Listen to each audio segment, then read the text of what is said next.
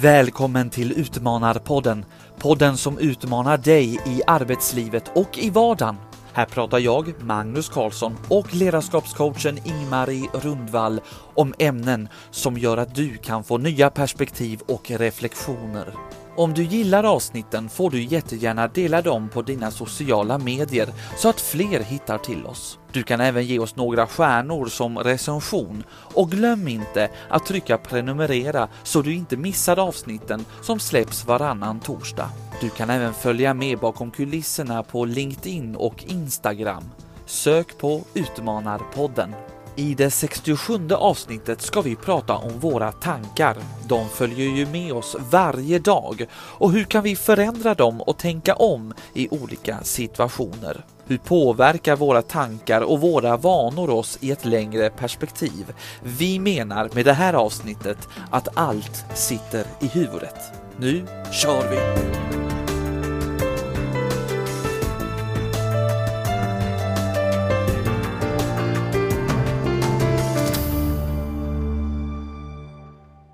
Välkommen till säsong 8 av Utmanarpodden och säsongens första avsnitt. Jag måste ju fråga det, vad tänker du, vad känner du Ingmarie när jag säger säsong 8? Nej men du, det är så här att, vet du, ska jag vara ärlig vad jag kände? Alltså, jag kände inte, jag tänkte så här, jaså, är det verkligen det? Eh, jag vet att det är du som har bra koll och vi har ju delat upp våra roller här, så det är du som har koll på det. Eh, jag måste säga att jag är mest, eh, jag känner mest, du frågar vad jag känner. Jag känner mest när jag träffar lyssnare och jag har träffat så himla många lyssnare i sommar. Och då känner jag en glädje och då bara känner jag hem och skriv nya avsnitt, reflektera, skriv, tänk, eh, fortsätt utveckla podden. Och det är det i enda, mitt enda fokus och sen är det du som hjälper mig att räkna. Ja, det är jätteroligt tycker jag också. Vi, som sagt, vi har ju lite uppdelade roller. Du gör ju mycket förarbete, sen spelar vi in tillsammans, sen tar jag efterarbetet och sen så är vi så glada att så många lyssnar. Det är fantastiskt. Du, eh, vad tar du med dig efter eh, sommaren? Det har ju varit eh, flera månader nu sedan vi sågs. Jag tänker så här Magnus, Utmanarpodden vill ju utmana. Så skulle vi inte kunna utmana våra tankar med att försöka fundera över eh, sommaren med hjälp av några ord? Mm -hmm. Annars är det lätt att det blir så här liksom sommaren, jo men den var regnig, den var solig, jag hade för lång semester, jag hade för kort semester eller eh, jag hade så va. Ja. Eh, så jag skulle vilja att vi istället, om vi utmanar oss och tänker så här, vad tar du med dig från sommaren som kommer att göra skillnad i hur du kommer att leva ditt liv till hösten? Får jag svara direkt här? Ja, du kan svara först. Ja, vad bra.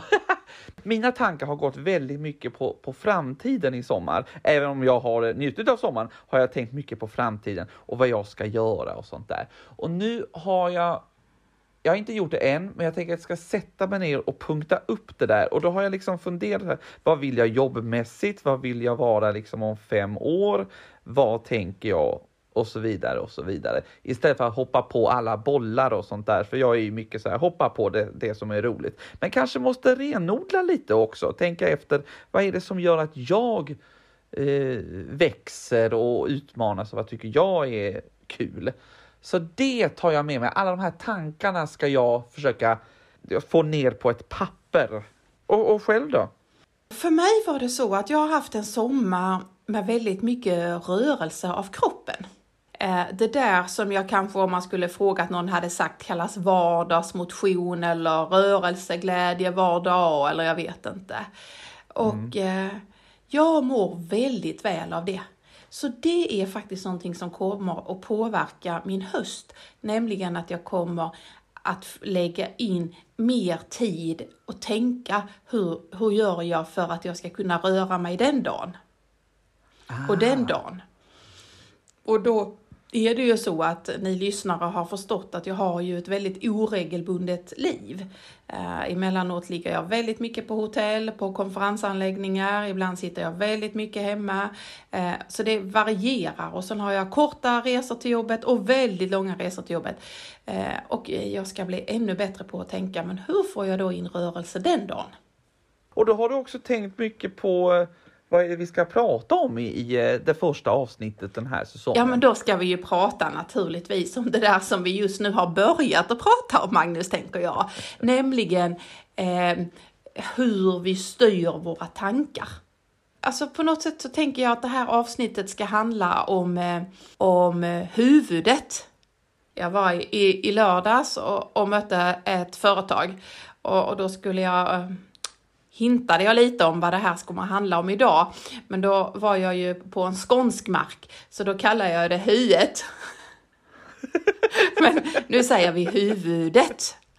Alla konsonanter och vokaler. Men det var så roligt för alla där visste vad jag menade när jag sa det. Vi ska prata om huvudet. Ja. Men nu ska vi prata om huvudet. Alltså på något sätt så kan jag ju redan nu avslöja de största skillnaderna mellan oss människor, det är ju egentligen vårt förhållande till hur vi kan tänka och förhålla oss till det som händer. Ibland är det så här att man säger, ja men mitt liv har blivit så här eller mitt liv blev så här eller oj nu hände detta. Men egentligen är det så att om man tittar över vad som händer med människor när det händer saker i deras liv, så är det egentligen inte riktigt alltid vad som händer, utan det handlar om vår förmåga att ta det där som händer. Det vill säga att göra ett aktivt val och fundera över hur ska jag se på det? För det valet påverkar ju också vad som sen kommer att ske i den här situationen. Ja. Jag hamnade i ett litet samtal en gång om just, eh, det, det var någon, någon tuff händelse som hade hänt och så sa jag det att så här, nej men man har ju alltid ett val på hur man ska kunna ta sig ur den där situationen. Man kan göra på det här sättet eller göra på det här sättet och då fick jag tillbaka till mig så här. Ja, men det kan vara svårt. Ja, alltså alla val är ju svåra någonstans, alltså, eller lätta. Det beror ju på vad det är. Men man har ju alltid ett val på hur man ser på en situation eller vad man gör av den. Här tror jag du kommer in på någon fortsättning på mina tankar, nämligen det här som du säger att man, eh, vad man gör. Jag tror att det är otroligt viktigt att, att man kan känna att man kan göra någonting. Ehm, det är alltid bättre för oss människor att vi kan göra någonting istället för passiviteten. Ehm, och det där har vi pratat om förr och det där vet man. Och jag tror att förra gången, någon gång väl om vi pratade om det, så nämnde jag att att om det händer en, en olycka eller en trafikolycka, så när, när räddningstjänsten kommer så delar de upp uppgifter till folk bara för att alla ska ha någonting att göra. Eh, och, och, nu hörde jag precis det. Vi hade ju här innan sommaren en, en, en terrorattack inne i Köpenhamn. Vilket mm. innebar att tåg och allt annat på väg in till Köpenhamn blev ju stående innan de visste om det fanns fler gärningsmän och så. Eh, och, och, då berättar man då ifrån de här tågen och allt som blev försenat och stå, stillastående framför allt, eh, att det var vissa människor som automatiskt tog på sig att göra någonting.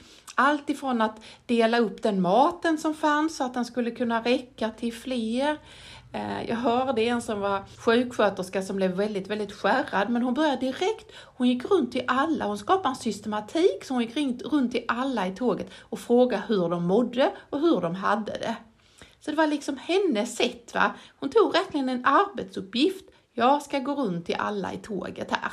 Det känner jag igen. Jag råkade ut för en trafikolycka en gång och då var det, en, det var på en buss och då var det en kvinna som gick runt faktiskt och frågade hur alla mådde.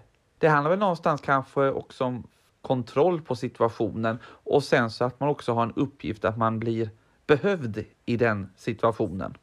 Att få lov att och, eh, känna, så att jag menar det var säkert viktigt för alla som hon besökte och sa hej till, men det var lika viktigt för henne själv, för just det här att man gör någonting. Det är ju så här att vi har låtit det här avsnittet heta Det sitter i huvudet.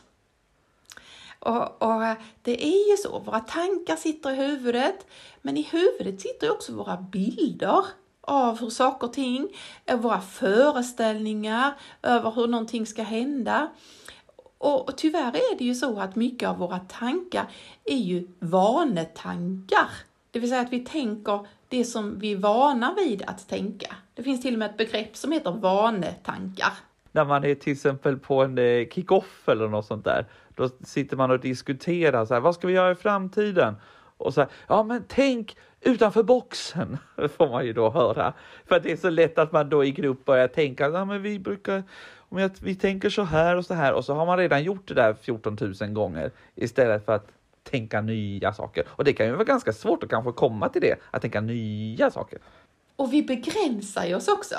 Jag var på ett träningspass här för någon dag sedan och då eh, skulle jag göra armhävningar och så, och så råkade passets coach stå precis sidan om mig. Så innan jag skulle göra armhävningarna så säger jag det som jag alltid har sagt. Aha. Alltså det här är ju min svaghet. Jag är väldigt svag upp till då. Så då säger jag ju det. Nej men det här är min svaghet. Ungefär som, titta inte på mig eller kommentera inte för du vet ju redan att jag är svag. Och det var ju en mm. tanke så va. Mm. mm. Då tittar han på mig och så säger han så här, ja, än så länge. ja, faktiskt, för det är det du ska träna på ju. Det är därför du gör det. Vad kände du då? då? Jag tyckte det var jätteroligt, det var verkligen, det gav inspiration till det här äh, avsnittet om att det sitter i huvudet och den som får förminska eller inte trodde så gott om mig, det var ju jag själv ju. Ja, exakt. Så det är faktiskt lite roligt det här Ingmar. Vi kanske skulle göra armhävningar ihop för det är heller inte min, inte min styrka. Men då vet jag så här, jag har också haft en, en coach som har sagt just det här att nej men det är ju det här som ni ska träna upp. Ni kan kanske känna er svaga, men det är, ni tränar ju för att det ska bli bättre och ni ska ja. känna mer. Mm. Mm. Och det vi, vi var... vill komma och det vi vill komma åt på något sätt är ju det här hur man aktivt och lite mer medvetet faktiskt har en möjlighet att styra sitt liv. Så att man klarar av eh, ja, att ta de här chanserna som uppstår eller bearbeta det som händer och sådär. Så det är ju lite det här att det sitter på något sätt i huvudet där ju. Och vad man får ha för inställning till saker och ting att det går ju att tänka nya tankar. Kommer du ihåg eh, 80-20-regeln? Jag har ju hört den i alla möjliga sammanhang, eh, men du får nog påminna mig om i vilket sammanhang vi pratade om detta. Ja, vi pratade om det i ett sammanhang och så kommer jag ihåg att jag sa 80-20 innebär att man lägger 80% av sin energi på sånt som man inte kan påverka. Just det, nu kommer det tillbaka till mig. Vi har ju pratat om det i något avsnitt och jag tror att eh, jag blir nog lika förvånad som jag blir nu att det är ju jättemycket tid. Som Exakt så var det jag Magnus! Jag sa nog till och med detta. Det är lite roligt med oss. Här står, sitter vi och pratar om att det är tankar och det sitter i huvudet. Och jag kommer ihåg att när jag sa det förra gången så så tappade du nästan hela det liksom inspelningen för du trodde inte på mig och sen började du tänka på det, ja men så är det nog. Och nu säger jag det igen och nu gör du samma reaktion. Så du får nog tänka på det en gång till Magnus. Jag kanske får, får skriva upp det här någonstans. Det kan ju vara bra att påminna sig om eh, detta pratar med psykologer till exempel, som jobbar nära människor och får dem att, att fundera och reflektera över sina liv, så säger de det att, att att de kan se att de som har gjort de här inre resorna, de har vågat det här att just träna sig på nya saker.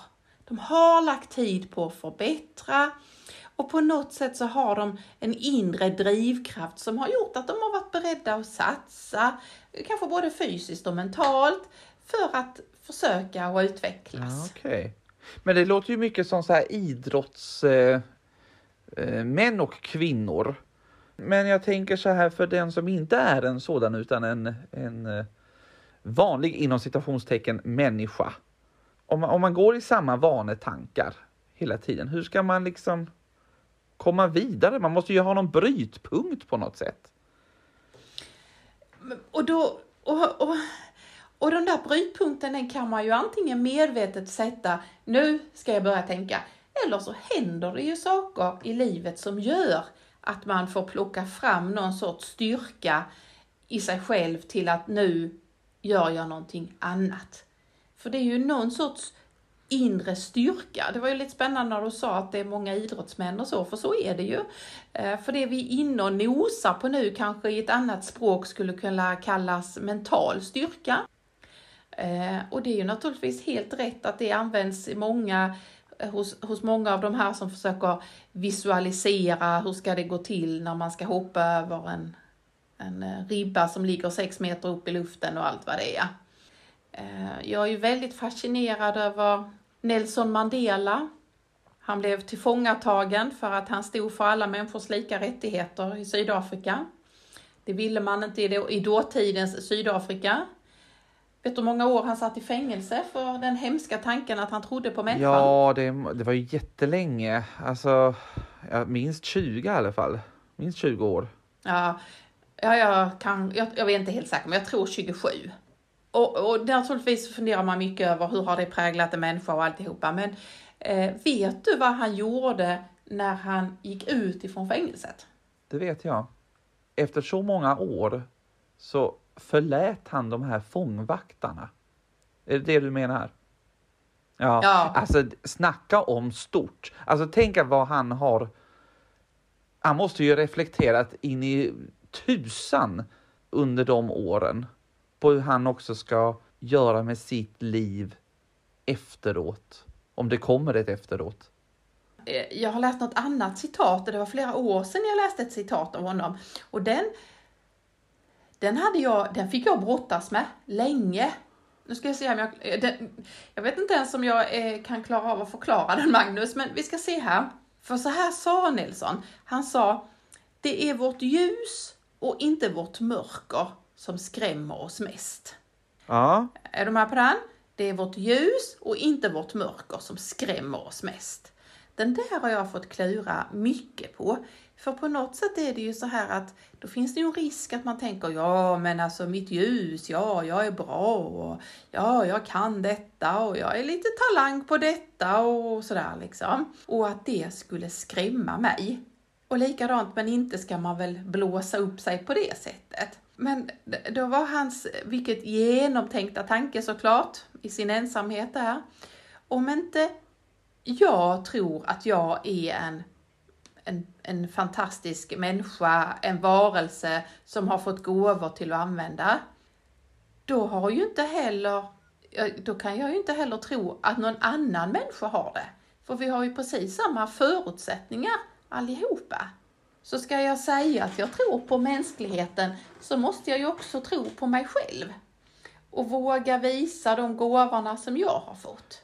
Så att det här menade att om vi låter vårt eget ljus skina, om man uttrycker det på ett sådant sätt, så ger vi också omedvetet andra människor tillåtelse att de får skina.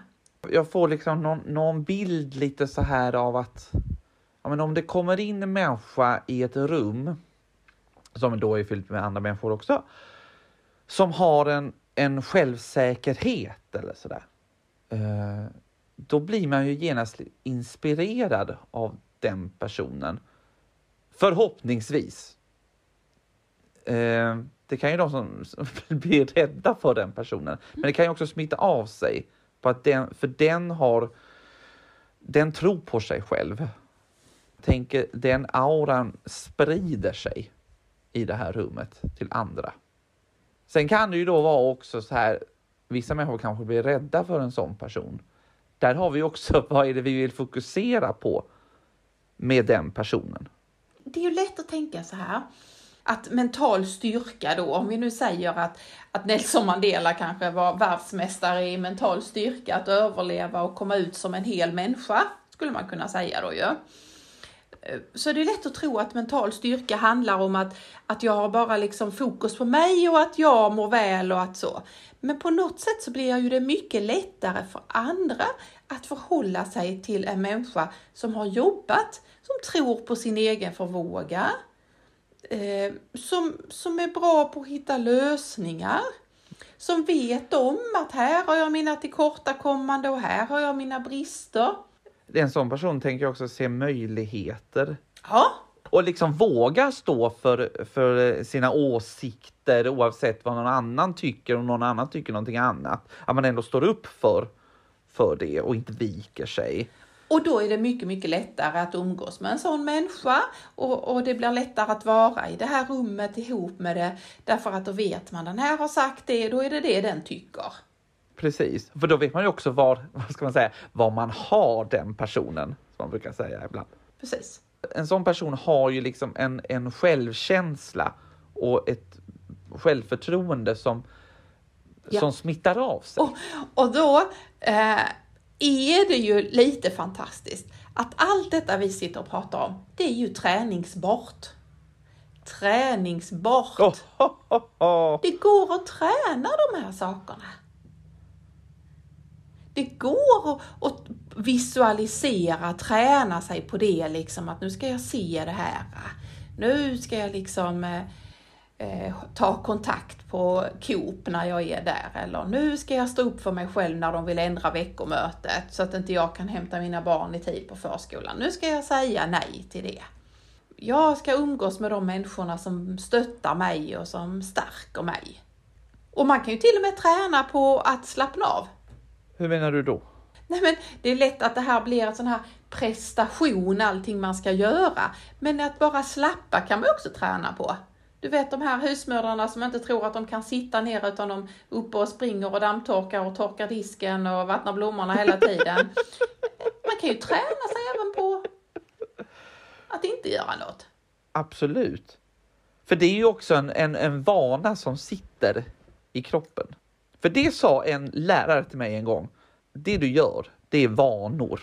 Och de kan du alltid göra om. Därför att vi orkar inte att ta in alla småbeslut och alla överväganden och allting hela tiden. Utan därför så får vi sätta maskinen, kroppen, tankarna i ett automatläge. Och då blir det det vanliga. Så då kan man säga att allting, allt det där hänger ihop liksom. Det mentala, känslor, eh, allt det här blir någonting. Du tycker jag vi pratar om två spår. Det ena är det här automatiserade som vi har i oss. Och det är därför man säger, vill man någonting annat, vill man känna, tänka annat så måste man få in det i, man måste träna det så pass mycket så det automatiseras iåt. Mm. Mm. Sen hoppar du ju till mitt, mitt älsklingsområde, nämligen det här att hela människan sitter ihop. Mm. Mm. Och då, då är det ju så att ja, det här mentala, vilka tankar har jag, vilka bilder har jag, vilka föreställningar har jag? Det är de där föreställningarna då ju. De Ja. hänger ihop med vilka känslor har jag inför detta? Vill jag eller vill jag inte någonting? Det har ju jättestor betydelse, du vet ju om man liksom, jag vill inte det, nej, då, då har man ju rätt många saker att undvika. Eller vill Ja. man verkligen lära sig cykla så kommer man ju att lära sig cykla. En annan sak är ju fysiskt. Där vi vet liksom att rörelse är bra. Till och med säger ju själsligt. Det här att vi mår väl på insidan. Nu när man pratar om att det sitter i huvudet så har man också börjat mynta begreppet existentiell hälsa. Man kanske förr hade kallat det andligt och för länge sedan hade man kallat det religiöst. Och för länge sedan så hade man sagt, är du en sån som går i kyrkan? Alltså kyrkan för att tala svenska. ja, ja. Nej, men är du med? På något sätt meningen med livet, hur, vilka trosuppfattningar, hur jag väljer att se mitt liv i ett större sammanhang. Så allt det där liksom hänger ihop och det blir helheten. Precis, och det är det som blir att eh, det blir en människa. Och överst på den där människan så sitter ju huvudet. Och det sitter ju i huvudet, Ja, det där som kan göra skillnad. Det där som vi kan låta växa. exakt. Så nu tänker jag, nu hoppar vi tillbaka till din sommar. Jag har ju följt dig på sociala medier och jag vet att många av våra lyssnare gör det också, för de kommenterar till mig vad du har gjort. Eh, så, oh, så jag får ju hem och kolla Och vad vad du har svarar gjort. du då kan man ju undra. Ja, med tanke på att vi bor så långt ifrån varandra då. Eh, så då tänker jag så här, vad av det du har varit med på i sommar vill du ska växa? För det är ju det man ska då fokusera på. För det man fokuserar på, det växer. Den här gången kan jag börja. Ja, men får jag bara ställa en fråga här i detta? Tänker du rent vardagligt? Tänker du yrkesmässigt? Tänker du? Ja, välj du. Då, då får du börja. Ska jag fundera lite så ska du få börja här då. För vad jag vill ska växa, det är glädjen. Vi har eh, händelser när man tittar på nyheterna som gör att det är lätt och det blir lite svart eller grått eller i alla fall mörkt. Och då tänker jag, jag vill vara med och bidra med lite mer glädje. Mm. Eh, jag har sagt i något annat avsnitt det här att jag hälsar på alla. Jag fortsätter med det, jag har gjort det jättemycket i sommar. Nu bara inte hälsar jag, jag stannar och pratar med alla. Och, och, vad jag har förstått så har det också att du har fått nya bekantskaper i och med detta. Ja, faktiskt. Och det är jättespännande att se att, att det finns en längtan hos människor att klicka an med varandra och hitta och sådär. Och så jag tänker liksom att om det är någonting som sitter i mitt huvud så skulle jag vilja ta bilden, försöka göra den här dagen idag lite bättre än igår. Alltså jag hade ju lätt kunnat eh, säga exakt samma sak det här med glädjen. Jag tycker jag måste sprida glädje. Men om jag ska ta hoppa till någonting annat i det så tänker jag så här att jag tycker det är väldigt viktigt med relationer, alltså vad det än må vara för relation som man mår bra av. Det kan ju vara partnerrelation eller relation till någon vän eller familj eller något sånt där. Eh, och det som jag skulle vilja att det, att det växer, det är liksom få ännu starkare relationer med människor, med eh, vänner, familj och så, att man behåller den, den styrkan i varje relation. Du vet att jag har ju haft det här Stjärnor på slottet, det har jag ju berättat om. Vi hade ju det förra hösten, jag och några vänner. Och det var just det här, man knyter relationerna ännu starkare för man får veta så mycket någon annans styrkor, svagheter, erfarenheter och vad det nu kan vara. Och var det inte någon som, som sa att du skulle vara med och testa de här Stjärnorna på slottet? Exakt, de hade blivit inspirerade av dig ett perfekt sätt att, eh, att stärka relationer, det säger jag. Även om de som man har känt länge. Ja du Magnus, eh, vi brukar ju avsluta med citat. Ja. Kan du, känner du att du hör något citat i huvudet utifrån allt vi har pratat om? Eh, något citat faktiskt som jag snubblade över. Eh, vet inte alls varför, men jag såg det i alla fall. Och det kanske är någonting där som... Vi får, vi får se när jag, när jag, när jag... För jag sparade det nämligen. Så jag kollar lite här nu på telefonen, nu bläddrar jag lite här. Eh, för jag tog ett foto på det. Eh, och då står det så här, det är ju eh, Martin Luther King. som då sa en gång, du är inte bara ansvarig för det du säger, utan även för det du inte säger. Den var bra. Det hänger ju ihop liksom lite med det som, som vi pratade om här, det här med uppgift och, och sådär innan. Och också det här med det här med självförtroende, någon annan kommer in i ett rum. Den personen utstrålar ju någonting och har olika saker att säga, fast kanske inte säger det. Och det påverkar gruppen och relationer jättemycket. Mm om man inte säger. Jag tycker det var ett jättebra citat det här, att det är så att jag har ett ansvar för hur, hur jag uppfattas och hur jag driver eller inte gör det. Eh, det är lätt att tänka, äh, jag har ingenting att säga här så jag säger ingenting eller jag är tyst här eller jag vill inte lägga mig i. Ja, fast det där är inte okej. Okay, därför att man är ansvarig för både det man säger och inte säger. Det där ska jag ta med mig. Det, det, ska jag också. Du tänker bara på massa eh, möten som eh, jag har suttit och, och tänkt många gånger så nej, nu det här lägger jag mig inte i. Så här. Men då, då uppfattas jag ju på ett mm. sätt. eh, utav någon annan. Är det Anna? Får jag ta ett citat till? Hela telefonen full. Ja, ja, absolut. Då är det Gandhi. Den här tycker jag, det här är också lite det som vi har tagit här idag. Då, stå, då står det så här. Människan är inte annat än summan av sina tankar. Det man tänker, det blir man. Och sen så kan det finnas olika förutsättningar för det, men det viktiga är att tänka, att tänka framåt, att tänka att okej, okay, är resultatet så här, ja men då ska jag jobba för att det ska bli så. Ja, ja men det är, ju, det är ju det vi vill komma åt, det här, det här att det sitter i huvudet. För att det finns väl egentligen inget mer härligt än att se människors fulla potential. Alltså när folk ju har vågat eller eh, testat någonting och man fixar det. Alltså dels är det ju mm. underbart att stå sidan om och se. Oavsett om det är en arbetskollega på 58 år som vågar trycka på sin mobiltelefon, en ny funktion på den, eller någon som eh, är 28 år och som vågar utmana sig att hålla ett tal, eller någon som ja, är då fyra år och lär sig att cykla.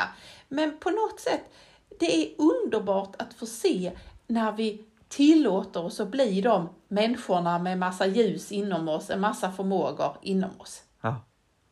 Helt rätt. Och det är ju också det man blir inspirerad av själv, tycker jag. Mm. Mm. Ja, på, så på något sätt, alltså, om, om, eh, förutom dina jättefina citat, så om det är någonting jag vill skicka med, det sitter i huvudet. Det finns ju också en bild som, som sitter i mitt huvud. Det är ju ett par träningsskor med precis den texten. Jaha. Man kan köpa träningsskor och så kan man få inbroderat text som man vill ha med sig. På tal om mental styrka, förstår du va? Mm.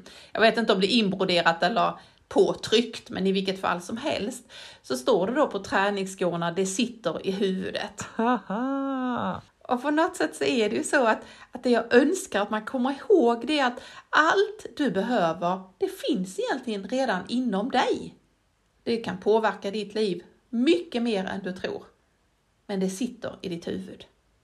Och där någonstans så vill jag släppa lös all kreativitet och alla tankar hos våra lyssnare och säga så ja, nu är vi igång igen. Och eh, vänta två veckor så ska vi nog utmana dig igen. Och under tiden du, träna på.